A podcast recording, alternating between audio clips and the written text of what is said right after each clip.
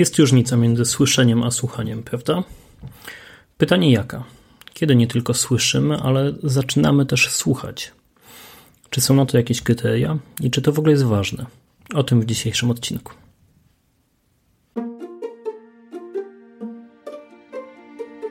Tu Krzysiek Głowacki i Sztuka Słuchania. To podcast dla tych, którzy chcą lepiej słyszeć ważne dla siebie osoby oraz tych, którzy na co dzień pracują z innymi ludźmi i chcą ich lepiej rozumieć. Pokażę Ci tu, jak rozwijać umiejętność słuchania i wykorzystywać ją zawodowo i w kontakcie z bliskimi. Zapraszam Cię do słuchania.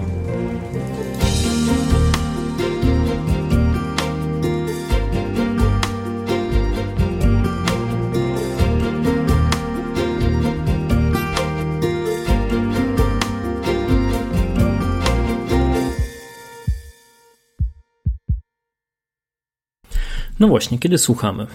Czy wtedy, kiedy słyszymy, czy wtedy, kiedy rozumiemy słowa, mówimy w tym samym języku, mamy ten sam jakiś kod kulturowy i wiemy, o czym druga osoba do nas mówi?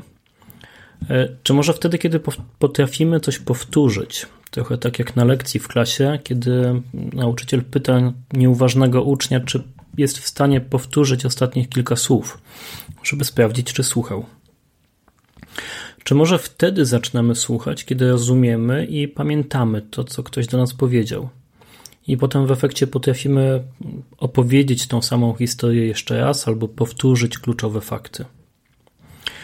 Czy może wtedy możemy mówić o słuchaniu, a nie tylko słyszeniu, że rozumiemy, jakie dane słowa mają znaczenie dla osoby, która je wypowiada? To znaczy wiemy, że jak nasze dziecko mówi o tym, że zgubiło zabawkę, to że tak naprawdę nie chodzi tylko o zabawkę, że chodzi o przyjaciela, o towarzysza zabawy, o coś znacznie ważniejszego niż maskotka czy niż coś innego. No właśnie, może jeszcze dalej, może wtedy, kiedy to druga osoba ma poczucie, że jest wysłuchana.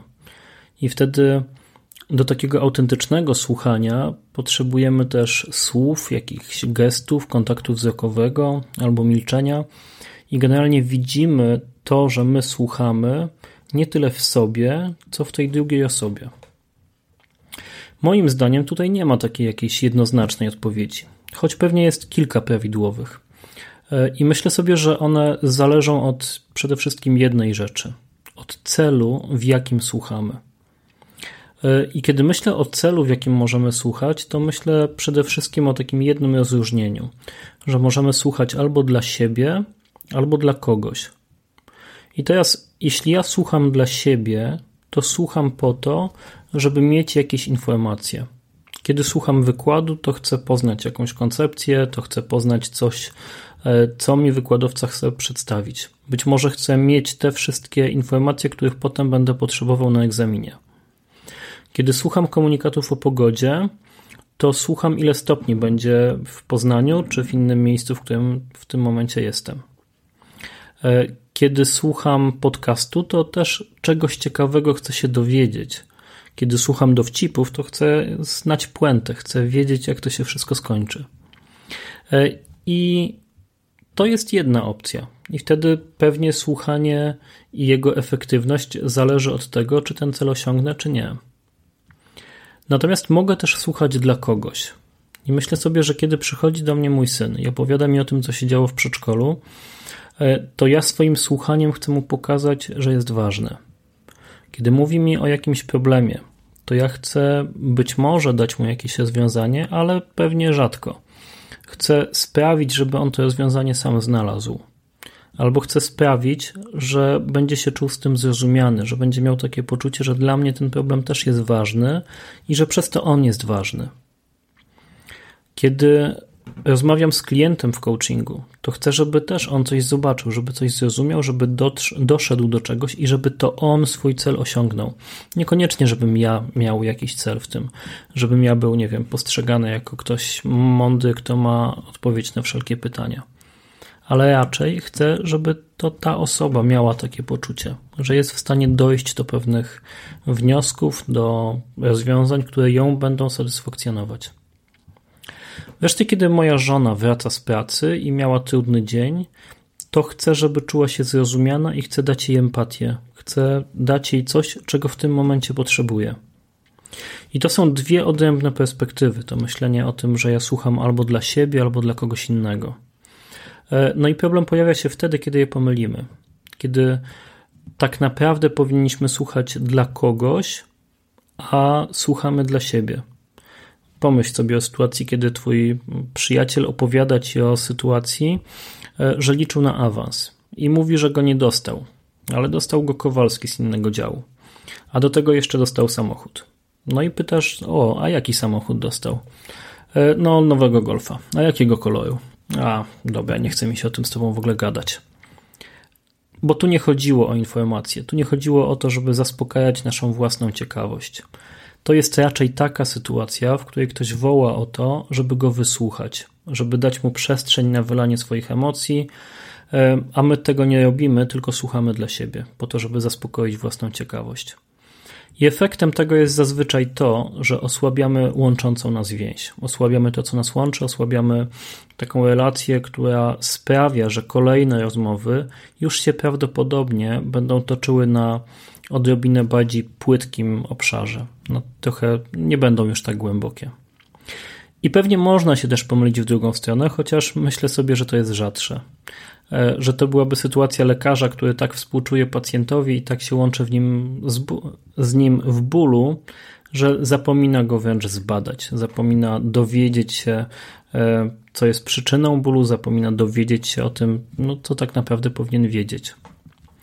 Natomiast czasem jest jeszcze jeden problem, bo często bywa tak, że my powinniśmy i dobrze byłoby te dwie perspektywy połączyć kiedy z jednej strony my sami potrzebujemy zdobyć jakieś informacje, a z drugiej strony musimy zbudować taką relację, taką więź z rozmówcą, żeby on był w stanie nam zaufać i żeby te informacje był w stanie nam dać. Potrzebujemy jemu dać trochę empatii, ale jednocześnie wydobyć z niego no, to, co powinien nam powiedzieć. I myślę tutaj o sytuacjach, e, w których jesteśmy właśnie albo jakimiś specjalistami, albo potrzebujemy zdiagnozować coś, być może jakiś problem, być może potrzebujemy zbadać potrzeby. E, I to jest też sytuacja wielu takich rozmów sprzedażowych trochę, kiedy sprzedajemy pewne rzeczy szyte na miarę.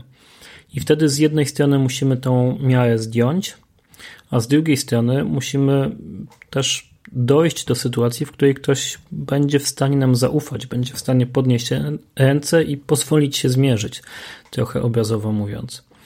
E, I tutaj bardzo istotne jest to, żebyśmy rzeczywiście jednocześnie budowali to zaufanie, a z drugiej strony, żebyśmy potrafili zadać takie pytania, które będą prowadziły do tego, że te informacje zyskamy. Jak wtedy poznać, że naprawdę słuchamy?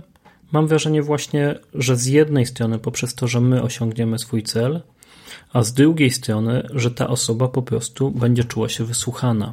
Będzie czuła, że jesteśmy kimś, kto jej słucha, że ona jest dla nas ważna i że ona może się otworzyć z tym wszystkim, o czym chce powiedzieć.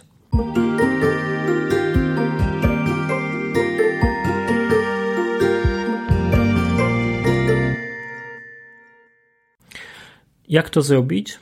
Myślę, że z jednej strony potrzeba nam takiej naturalnej ciekawości.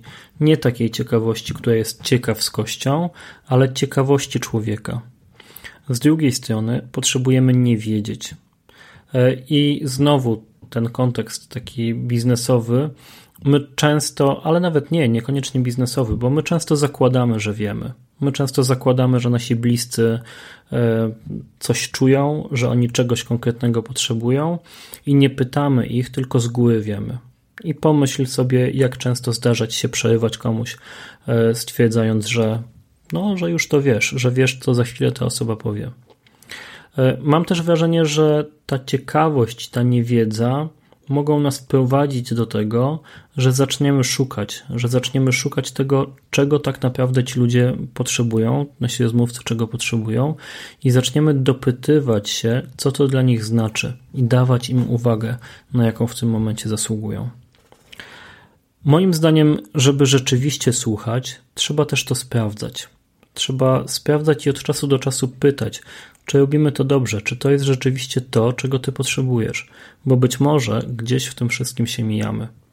Spróbuj, zapytaj swoich bliskich, czy czuli się wysłuchani. Zapytaj swoich klientów, czy oni rzeczywiście mają takie poczucie tego, że kiedy ty z nimi rozmawiasz, to oni są wysłuchiwani, to oni dostają od ciebie to, czego tak naprawdę w tym momencie potrzebują. Zachęcam Cię do tego bardzo. Sprawdź sobie i pomyśl sobie też o wszystkich tych sytuacjach, w których Ty byłaś, byłeś tak wysłuchany, że to rzeczywiście bardzo dużo Ci dało. Jestem przekonany, że właśnie to uczucie jest w stanie przyprowadzić nas do tego, w jaki sposób możemy to robić lepiej, w jaki sposób my sami też możemy to innym dawać. I tego Ci życzę.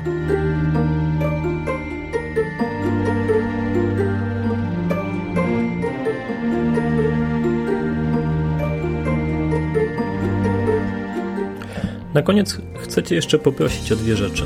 Po pierwsze, jeśli to, co tutaj słuchasz, jeśli ten podcast ma dla Ciebie jakąś wartość, to podaj go proszę dalej. Powiedz komuś o tym, że tutaj są takie wartościowe treści że warto ich czasem posłuchać. Myślę, że wszyscy na tym tak naprawdę skorzystamy. E, a druga prośba, jeśli chcesz otrzymywać ode mnie wiadomości o nowych odcinkach, jeśli chcesz od czasu do czasu usłyszeć, czy raczej właściwie przeczytać coś ciekawego na temat słuchania, to bardzo Cię zapraszam do zapisania się na newsletter na stronie www.sztukasłuchania.pl łamane przez podcast. Tam znajdziesz e, formularz i po wypełnieniu go będziesz otrzymywać informacje o nowych odcinkach, ale od czasu do czasu podeślę Ci pewnie też jakieś inne inspiracje na temat słuchania. Dzięki wielkie i do usłyszenia za dwa tygodnie.